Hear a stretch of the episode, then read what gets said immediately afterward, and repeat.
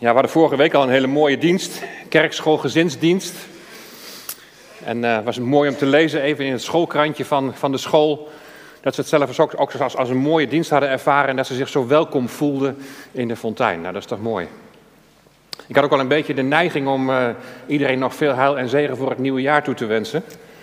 Want het was weer de eerste dienst na eerste kerstdag lang ziek geweest. En uh, ik heb vorige week al even in het mededelingenblad laten opnemen. dat we ontzettend dankbaar zijn gewoon voor het meeleven van de gemeente. En uh, we waren echt van onder de indruk. Goed. Misschien vraag je je wel eens af, wat is nou eigenlijk het doel van mijn leven? En waarom, waarom ben ik hier nou eigenlijk? Nou, dat hebben we net gezongen. U roept mij in uw liefde om heel dicht bij u te zijn, vol aanbidding, want u schiep de mens tot uw eer en tot uw heerlijkheid. Dat is de bedoeling. Leven tot eer van God. Daarom zijn we hier op deze aarde. Leven in zijn nabijheid. Leven in aanbidding. We hebben daar meerdere liederen vanmorgen over gezongen. Maar in hoeverre slaag je daarin? In hoeverre ben je daartoe in staat in een gebroken wereld waarin wij leven? Leven tot eer van God. Er zijn zoveel situaties in je eigen leven te bedenken, in mijn eigen leven te bedenken. En als je kijkt naar de situaties om je heen, alle gebeurtenissen, dat het leven tot eer van God ver te zoeken is. Hoe komt daar nou verandering in? We lezen Jezaja 58. Ook daar is het eren van God is heel ver te zoeken. We zien in Jezaja 58 de religieuze mens die gericht is op zichzelf. Precies het tegenovergestelde van een leven tot eer van God, een leven in aanbidding. Hoe komt daar nou verandering in. Laten we samen lezen Jesaja 58. En ik lees het uit de nieuwe Bijbelvertaling.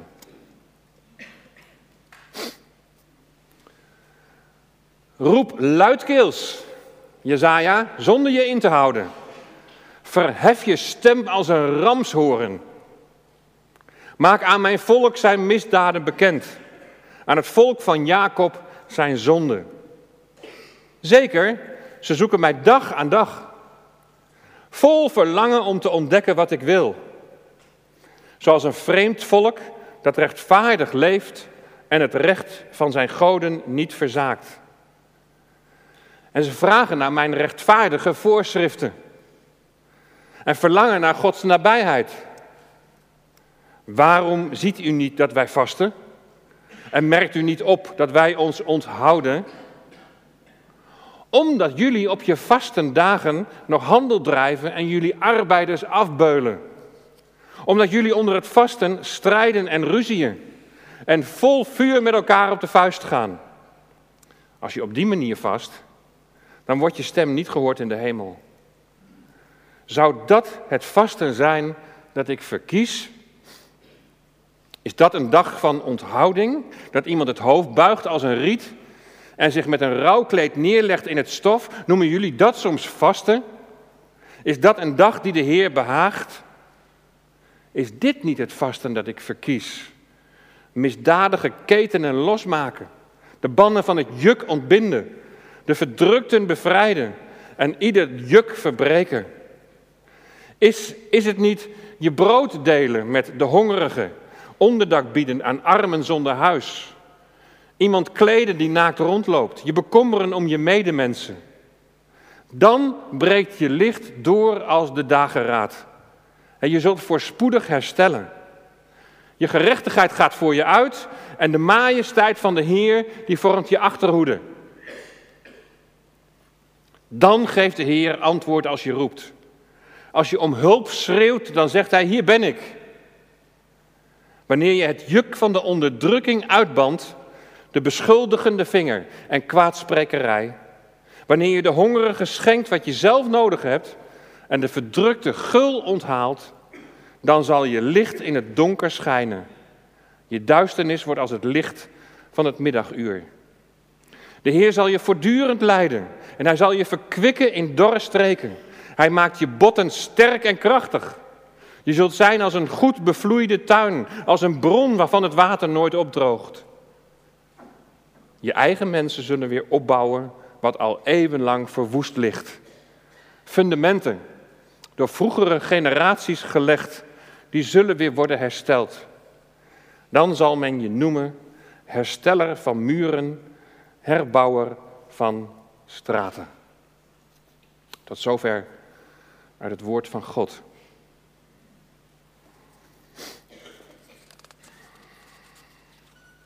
Vanmorgen wil ik met jullie graag nadenken over de volgende drie items.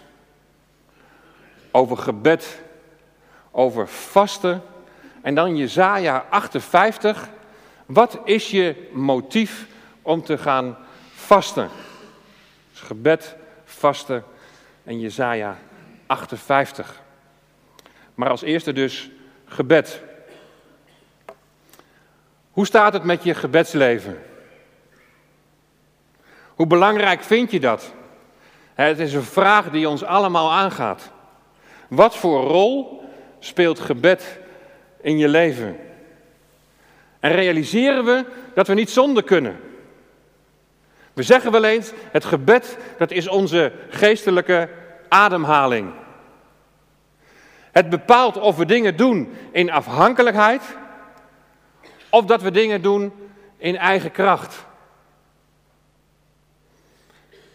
Bij mij is net vastgesteld dat ik een eh, behoorlijk vitamine D tekort heb. En dat uitzicht bij mij onder andere in kortademigheid en, en vermoeidheid. Afgelopen week toen was ik op de fiets en ik was net van huis vertrokken. En ik was bij de Moria-kerk, nou ik denk 150 meter, meer zal het niet zijn geweest. Ik had even flink doorgefietst, maar ik kon nauwelijks meer ademhalen. Ik kwam bijna niet meer bij. Ik denk, wat, wat, wat gebeurt hier? Hoe kom ik nog op de plek daar waar ik verwacht word? Helemaal buiten adem, gewoon hijgend van, ik kan niet meer. Een matig gebedsleven zou je kunnen vergelijken met het kweken van een gebrek aan vitamine D. Je ademhaling komt in de problemen, je hele functioneren komt in de problemen. Bij gebrek aan vitamine D heb je vooral zonlicht nodig. Nou, ik sta hier al aardig in het licht, dus het gaat vanmorgen goed werken. Maar je hebt vooral zonlicht nodig.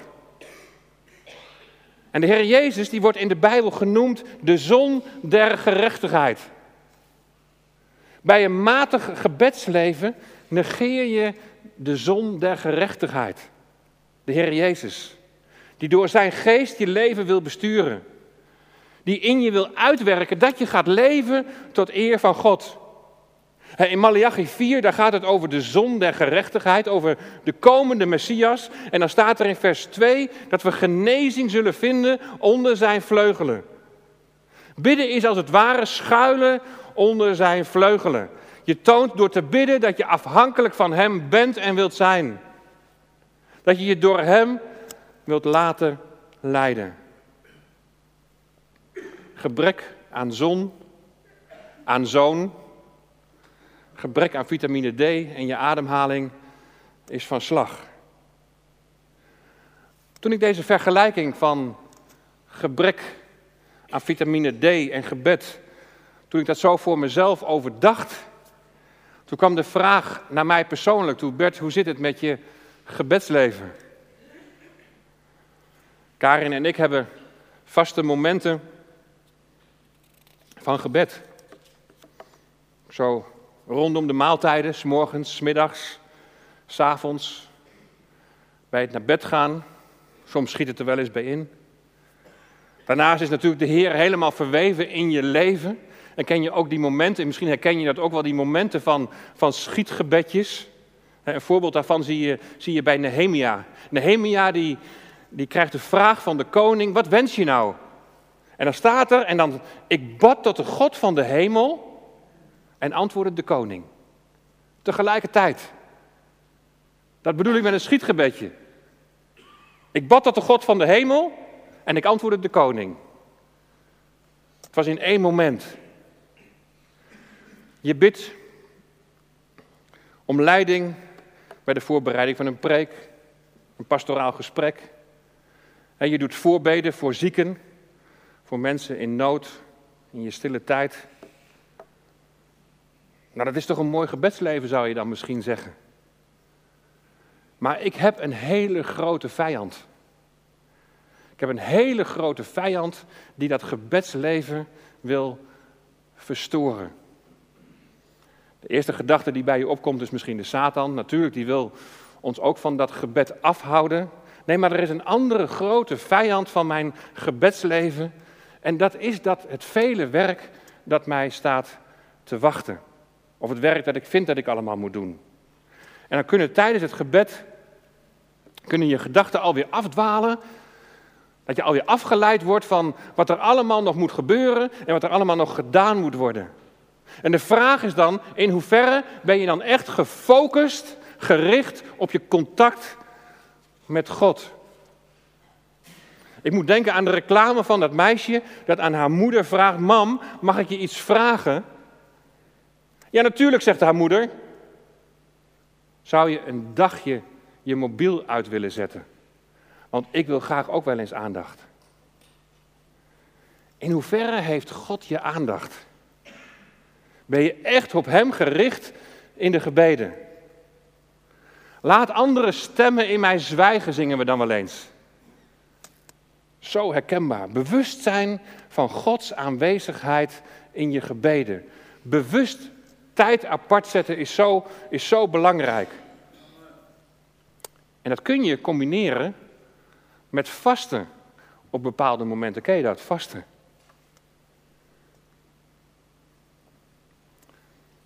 Niet eten en drinken. Of alleen niet eten. Of extra dingen laten staan. We noemen dat ook wel soberheidsvasten. Je zou daarbij aanvullend ook kunnen denken aan communicatie of sociale media vasten. En je onthouden van tv, Twitter, Facebook, noem allemaal maar op. Of zoals bij die moeder, je mobiel een dag uit. Vasten, ken je dat? En je gaat niet zomaar een tijd niet, niet eten, maar dat doe je in combinatie met tijd apart zetten voor God. Je doet dat in combinatie met, met gebed. In een tijd van vasten, dan zet je tijd apart voor God. Voor een moment dat je intensiever op zoek bent naar Hem en zoveel mogelijk afleiding uitschakelt. Zodat de Heer echt je aandacht heeft en Hij ook tot je kan spreken.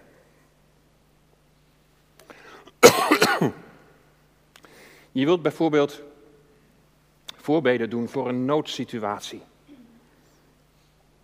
Of je wilt schuld beleiden. Je wilt om wijsheid vragen. En je vraagt om de juiste beslissing in een belangrijke fase van je leven. Je zondert je af. Je neemt tijd voor God. Je eet niet of je eet en je drinkt niet. Allemaal redenen om gebed te ondersteunen met vasten. Ik zal je een aantal voorbeelden uit de Bijbel laten zien van vasten. En dat helpt misschien ook wat redenen zouden kunnen zijn om ook voor jezelf eens te overwegen om een tijd van bidden en vasten te nemen. Dan kijken we eerst even in het Oude Testament. Mozes, hij at en hij dronk niet gedurende 40 dagen. Als de Heere God de tien geboden opschrijft op de stenen tafelen. Nou, dat moet je niet zomaar gaan doen. 40 dagen niet eten en niet drinken. Want dit is echt een bovennatuurlijk vasten, is dit. Ik heb me laten vertellen dat drie dagen toch wel echt het max is als je echt helemaal niet eet en niet drinkt. Alleen eten en wel drinken, dat kun je langer volhouden. Het David die vast als er na het overspel met Bathseba een kind geboren wordt dat dodelijk ziek wordt. En dan staat er, hij lag de hele nacht in zak en as op de grond. Hij ging bidden en vasten, smeken tot God. Daniel, die aan het hof van de koning alleen maar groenten eet en water drinkt. Een soberheidsvasten. En hij laat daarmee zien dat hij trouw wil zijn aan de God van Abraham, Isaac en Jacob. In Daniel zien we ook in 9 vers 3 een plaatsvervangend schuldbeleiden. Daniel die trouw is aan God, die gaat schuld beleiden en die zegt, heren, wij hebben gezondigd. Een tijd van vasten en bidden om je voor God te verootmoedigen. Ezra, die samen met zijn reisgezelschap om bescherming vraagt voor de reis naar Jeruzalem. Nehemia, die met zijn volk in ballingschap is, hij gaat vasten, want hij hoort dat de muren van Jeruzalem nog steeds in puin liggen. Vanuit een stuk bewogenheid. En heren, wat is hier de weg tot een oplossing? Esther, aan het hof van koning Ahasveros. Ze vast drie dagen met haar volk en gaat dan vervolgens tegen alle protocollen in naar de koning. Je weet dat eigenlijk iets onmogelijk is, of misschien wel heel onverstandig is, maar je weet dat God bij is. En je neemt eerst een voorbereiding, een tijd van bidden en vasten. In het Nieuwe Testament wordt er ook gevast. Onze Heer Jezus, 40 dagen in de woestijn aan het begin van zijn bediening. De christenen in Antiochieën die, die vasten eerst om leiding te zoeken voor zending en evangelisatie. En daarna bij de uitzending van Paulus en Barnabas. Er is een moment van evangelisatie, neem maar als voorbeeld. Wat was evangelisatiedienst? Is bijvoorbeeld de kerstnachtdienst. Dat je voor jezelf denkt, of met elkaar denkt van, wat zou het goed zijn om een tijd van bidden en vasten te nemen. Dat God echt tot zijn doel mag komen, dat mensen gered mogen worden. De eerste christenen in Klein-Azië, die vasten bij het aanstellen van oudsten. Kijk, vasten is niet een wet. Maar er kunnen omstandigheden zijn dat God op je hart legt om tijd apart te zetten voor Hem. En het gebed dan gepaard te laten gaan met vasten. Nou laten we naar aanleiding van Jezaja 58 nu eens nadenken om je motief om te vasten. En je ziet hier even een, even een korte indeling van, van de eerste zeven versen van Jezaja 58. In vers 1 daar zie je dat, dat, dat Jezaja het uit moet schreeuwen. Hij krijgt van God de opdracht om de vinger op de zere plek te leggen. Een indringende boodschap van God aan zijn volk. ze zijn net teruggekeerd uit ballingschap. Ze waren in gevangenschap weggevoerd naar Babel omdat ze ontrouw waren geworden aan de God van Abraham, Isaac en Jacob. En na 70 jaren keren ze weer terug en dan moet het land moet weer opnieuw worden opgebouwd. Het land is dor en droog. Jeruzalem is verwoest. En met elkaar gaan ze dan ook hard aan het werk om met elkaar in het beloofde land te kunnen leven. De schouders eronder. Nou, hier kun je een parallel trekken met ons vandaag. Je komt tot geloof in de Heer Jezus Christus. Die wordt dan ook bevrijd uit gevangenschap. En je wordt bevrijd uit de macht van de zonde. Je ontvangt nieuw leven door het geloof in de Heer Jezus Christus. Je komt tot geloof en je laat je dopen. En dan? En dan? Hoe leer je dan om te leven tot eer van God? Hoe leer je om op een goede manier met je naaste om te gaan? Dat is het onderwerp hier in Jesaja 58. Als je in vers 2 daar leest hoe ze leven, dan zou je vertaald naar onze tijd zeggen: wat een levende gemeente. Een gemeente waarin het geestelijk leven een hoog niveau heeft. Waar het geestelijke leven aanwezig is. Ze bidden immers dagelijks tot God met elkaar. Ze hebben het verlangen om zijn wil te kennen. Ze willen aan hem gehoorzaam zijn. Ze verlangen en zien uit naar Gods nabijheid. In dat opzicht doen ze dus eigenlijk alles wat God van hen verwacht. Het gebed gaat zelfs gepaard met vasten. In al die opzichten die daarvan het volk worden genoemd, nou wat zouden we daar veel van kunnen leren? Al die dingen die, die we daar lezen, die zijn zo enorm belangrijk. Maar als je kijkt naar wat het uitwerkt in vers 3 en 4 en 5, ja, dan kun je de vraagtekens bij stellen. Ze vragen zich af waarom ze vasten, want, want ze zien geen resultaat. ze hebben het idee dat God niet hoort, onverhoorde gebeden. We zien hier in Jesaja 58 de mens die wel religieus is, maar die wel heel erg sterk op zichzelf gericht is. Die steunt op, op tradities, op bestaande structuren. Zo hoort het en als we het zo doen, ja, dan zal het wel goed zijn en op die manier zal God ook antwoorden. Maar wat je niet ziet bij het volk is een veranderd leven. Ze verwachten resultaat voor zichzelf door een juiste religieuze houding aan te nemen, maar de eer van God is ver te zoeken. Wat zien we nog meer? We zien hier in Jesaja 58 vers 3 dat hun eigen handel komt op de eerste plaats. In ons geval kun je dat vertalen als, als je baan, je carrière, je inkomen, je materiële verlangens. Kijk, hier in Jezaja 58 worden dan arbeiders worden afgebeuld. Het gaat dus ten koste over de rug van die ander. Maar bij die net genoemde verlangens, dan kan het ook ten koste gaan van, van mensen om je heen. Ten koste gaan van je gezin of van je huwelijk of van vriendschappen. Alles moet wijken voor wat jij wilt bereiken. De religieuze mens die, die op zichzelf gericht is. Je voldoet aan je godsdienstige verplichtingen, maar tegelijkertijd is er ruzie en strijd. Ze gaan zelfs met elkaar op de vuist, beschuldigende vingers, kwaadsprekerij. Bevrijd. Ja, nieuw leven. En dan? Hoe leef je met elkaar in het beloofde land?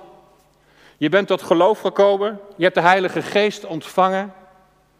De Heilige Geest die je denken wil vernieuwen, die je van binnenuit wil veranderen naar het beeld van de Heer Jezus, die je leidt om in het voetspoor van de Heer Jezus te gaan. En toch zien we mensen vastlopen. Je bent tot geloof gekomen, je bent gedoopt en dan? Hoe ga je dan verder in dat proces van verandering naar het beeld van de Heer Jezus?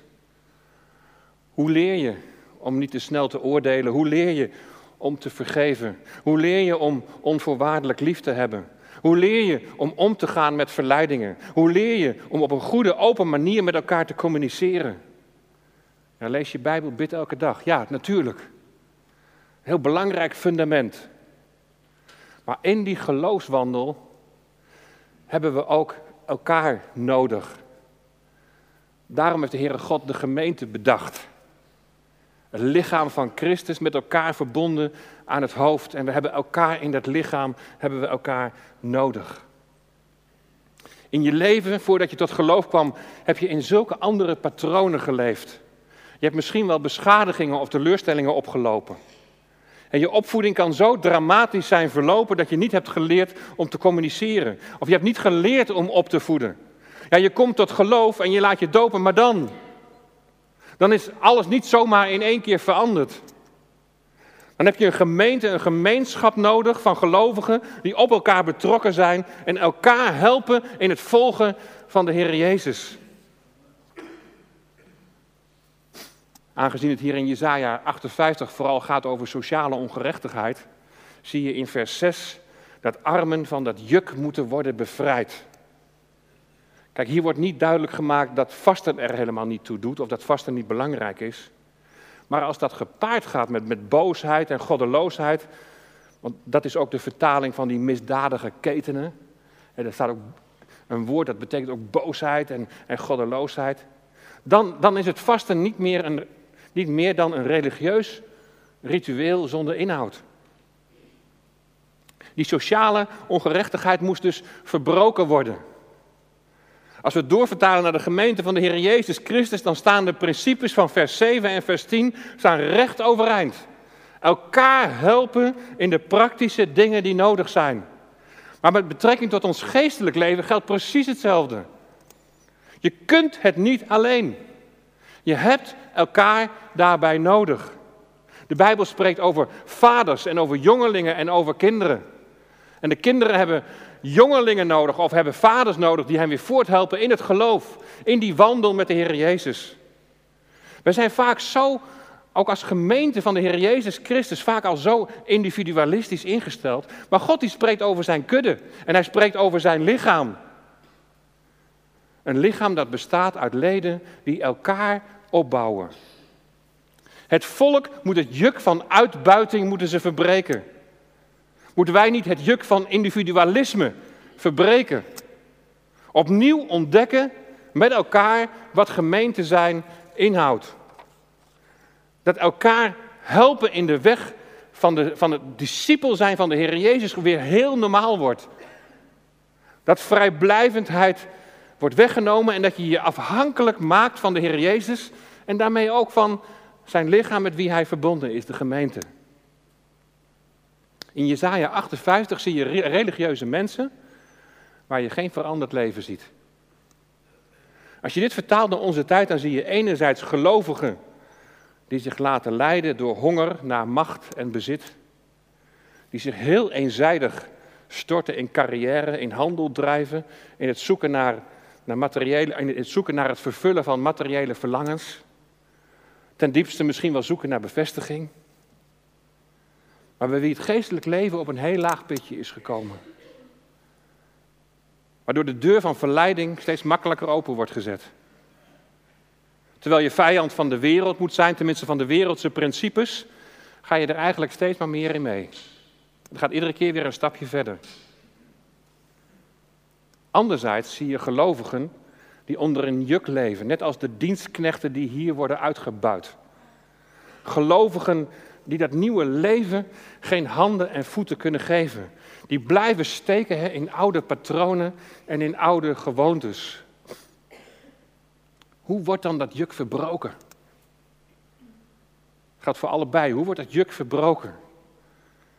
De vraag waar alles mee begint is: wil je echt dat er een verandering gaat komen in je leven?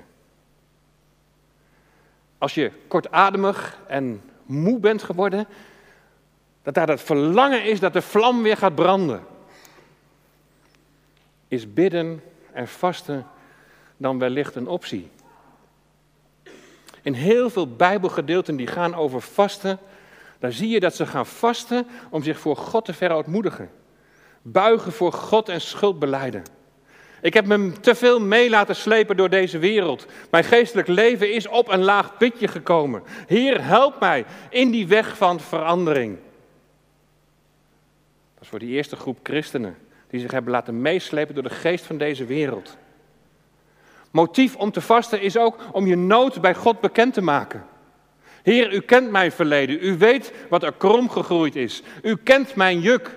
Help mij, bevrijd mij. Heer, u kent de puinhoop in mijn gezin, in mijn huwelijk. U weet dat ik niet meer weet hoe het verder moet. Help mij, help ons in een weg van herstel. Bidden en vasten, tijd apart zetten voor God. En je nood bij Hem bekendmaken. In al deze gevallen is het verlangen naar herstel ingegeven door je verlangen om tot eer van God te leven. En gebed en vasten is dan stap 1. Een stap in verootmoediging of een stap in het uitroepen van je nood. En God kan in zo'n situatie in één keer herstel geven. Maar vaak is gebed en vasten de eerste stap waarbij je je afhankelijkheid kenbaar maakt. En waar God je ook dingen kan laten zien. Jou kan openbaren waar misschien de schoen wringt. Of juist kan laten zien waar zijn verlangen is. En wat, waar, waar je mee zou moeten breken. Gebed en vasten waarin je aangeeft dat je je weg niet meer in eigen kracht wilt vervolgen, maar in zijn kracht. We hebben net gezongen, niet door kracht, noch door geweld, maar door mijn geest, zegt de Heer. Je ontdekt in je groei als discipel van Jezus dat Hij werkt door zijn lichaam, de gemeente, en dat je dus ook elkaar nodig hebt. En als het volk hier in Jezaja 58, als dat volk weer als volk gaat functioneren, en daar volgen de geweldige beloften. Zie maar eens in vers 11. De Heer zal je voortdurend leiden. Hij zal je verkwikken in dorre streken. Hij maakt je botten sterk en krachtig. Je zult zijn als een goed bevloeide tuin, als een bron waarvan het water niet opdroogt. Wat is je motief om te vasten? In het eind van vers 11 wordt gesproken over herstel van de muren en herbouw van de straten. Ik heb al vele motieven om te vasten genoemd. Maar als ik Jezaja 58 vertaal naar onze tijd, dan zou ik zeggen: tijd apart zetten om je leven eens onder de loep te nemen.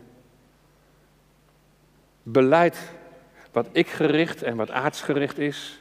Spreek je verlangen uit om tot eer van God te leven en roep daarbij zijn hulp in. En besef dat dit alles niet buiten zijn lichaam omgaat. Dat het niet zal zijn, ik ben tot geloof gekomen en nu. Maandelijks eh, spreek ik met Emiel en Tirza over de ontwikkelingen van Zuid Zoekt. Ik word er heel enthousiast van als ik hoor dat groei in discipelschap voorop staat. En het, feit, het woord discipelschap of discipel zijn wil niet zeggen dat het allemaal mensen zijn in zo'n groep die wel een heel bijzonder geestelijk leven hebben. Iets waarvan jij misschien denkt, ja, daar kan ik nooit aan tippen. Nee, ook daar zijn hele gewone mensen. Met, met hun fouten en met hun gebreken en met hun zoektocht en met hun nood en met hun verdriet en dingen waar ze blij over zijn. Maar ze trekken met elkaar op. En ze delen hun leven met elkaar. Hé, hey, wat vind jij moeilijk? Waar kan ik voor jou voor bidden? Hey, wat, wat, waar, waar, waar ligt jouw verlangen? Gemeente zijn zoals de Heere God het bedoeld heeft. Je neemt geen genoegen met waar je nu bent. Maar je wilt groeien in het leven tot eer van God. En je roept daarbij elkaars hulp in en je bevraagt elkaar. Tot eer van God leven. Het valt niet mee in een gebroken wereld. Het valt helemaal niet mee als er ook nog heel veel gebrokenheid in jezelf is. Kijk, Jezus, de zon der gerechtigheid, die is in die gebrokenheid is die gekomen en heeft naar onze geest volkomen genezing gebracht. Maar dat werkt nog niet altijd door in je ziel. Wat kan er nog veel strijd zijn? Heer, ik heb zo dat verlangen om te leven tot eer van u, maar u kent mijn leven. U weet waar ik struikel. U weet waar ik faal. En ja, dat, gebeds, dat gebedsleven. Ik zou het zo graag intensiever en anders willen, maar u kent mijn vijand. Help mij. Geef mij kracht. Wat kan er nog veel strijd zijn? In het pastoraat horen we zoveel nood. Zoveel gebrokenheid dat het soms nauwelijks te beseffen is. Wat is er dan verlangen naar genezing onder zijn vleugelen? En het kan zijn dat de therapie nodig is, of dat er pillen gebruikt moeten worden. Maar laten we de kracht van het gebed en het belang van een volk dat er voor elkaar wil zijn, laten we dat niet onderschatten. Het een sluit het ander niet uit. Bidden en vasten, je hart voor God openen, het van Hem verwachten. Nu ik bij u kom, in uw heiligdom, in uw tegenwoordigheid, kniel ik voor u neer, kniel ik voor u Heer in aanbidding neer, met al mijn tranen en mijn strijd. Ik geef wat ik heb en ik houd niets apart en open voor u mijn hart. In die gezindheid bidden en vasten. Heer, ik leg alles voor u neer. Hier hebt u het hele pakket. En u weet hoe ik in elkaar zit als geen ander. U weet waar de nood is. U weet welk juk verbroken moet worden. Ik wil tijd afzonderen. Ik wil stil worden. Ik wil uw stem verstaan. Heer, openbaart u het. Ik weet dat er mensen zijn die daar ervaring mee hebben. En die weten, ja, dat was bijzonder om een tijd van, van bidden en vasten te nemen. God heeft me dingen laten zien over mezelf. God heeft de weg naar herstel gewezen. En dingen waren niet in één keer opgelost. Daarna komt nog een heel proces. Een verandering naar het beeld van de Heer Jezus. Een heel proces in, in vernieuwing van denken. Bidden en vasten, je hart voor God openen. Als een liefdeslied gaan we nu ook zo met elkaar zingen. Als een liefdeslied is hier mijn leven. Het is een melodie van vreugde en van pijn. En ik bid u, Heer, dat heel mijn leven een symfonie voor u mag zijn. Een hersteld leven tot eer van God. Wat een, wat een verlangen. Dwars door alle gebrokenheid heen. Dat we met elkaar gemeente mogen zijn zoals de Heere God dat bedoeld heeft. Met elkaar optrekken, samen in het voetspoor van de Heer Jezus.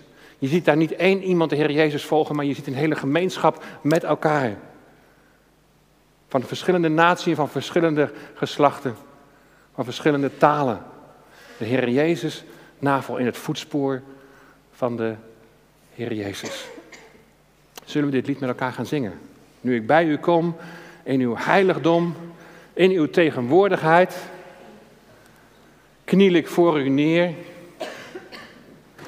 Dat mag je ook letterlijk doen als daar je verlangen is om gewoon voor de Heer te knielen. Als Hij je in je hart geraakt heeft, misschien op dit moment. Voor Hem knielen, in aanbidding neer. En je mag met al je tranen en met al je strijd komen. Je zegt, ik geef wat ik heb en ik hou niks apart. Heer, u hebt dit hele pakket. U weet wat ik nodig heb. Een hersteld leven tot eer van God.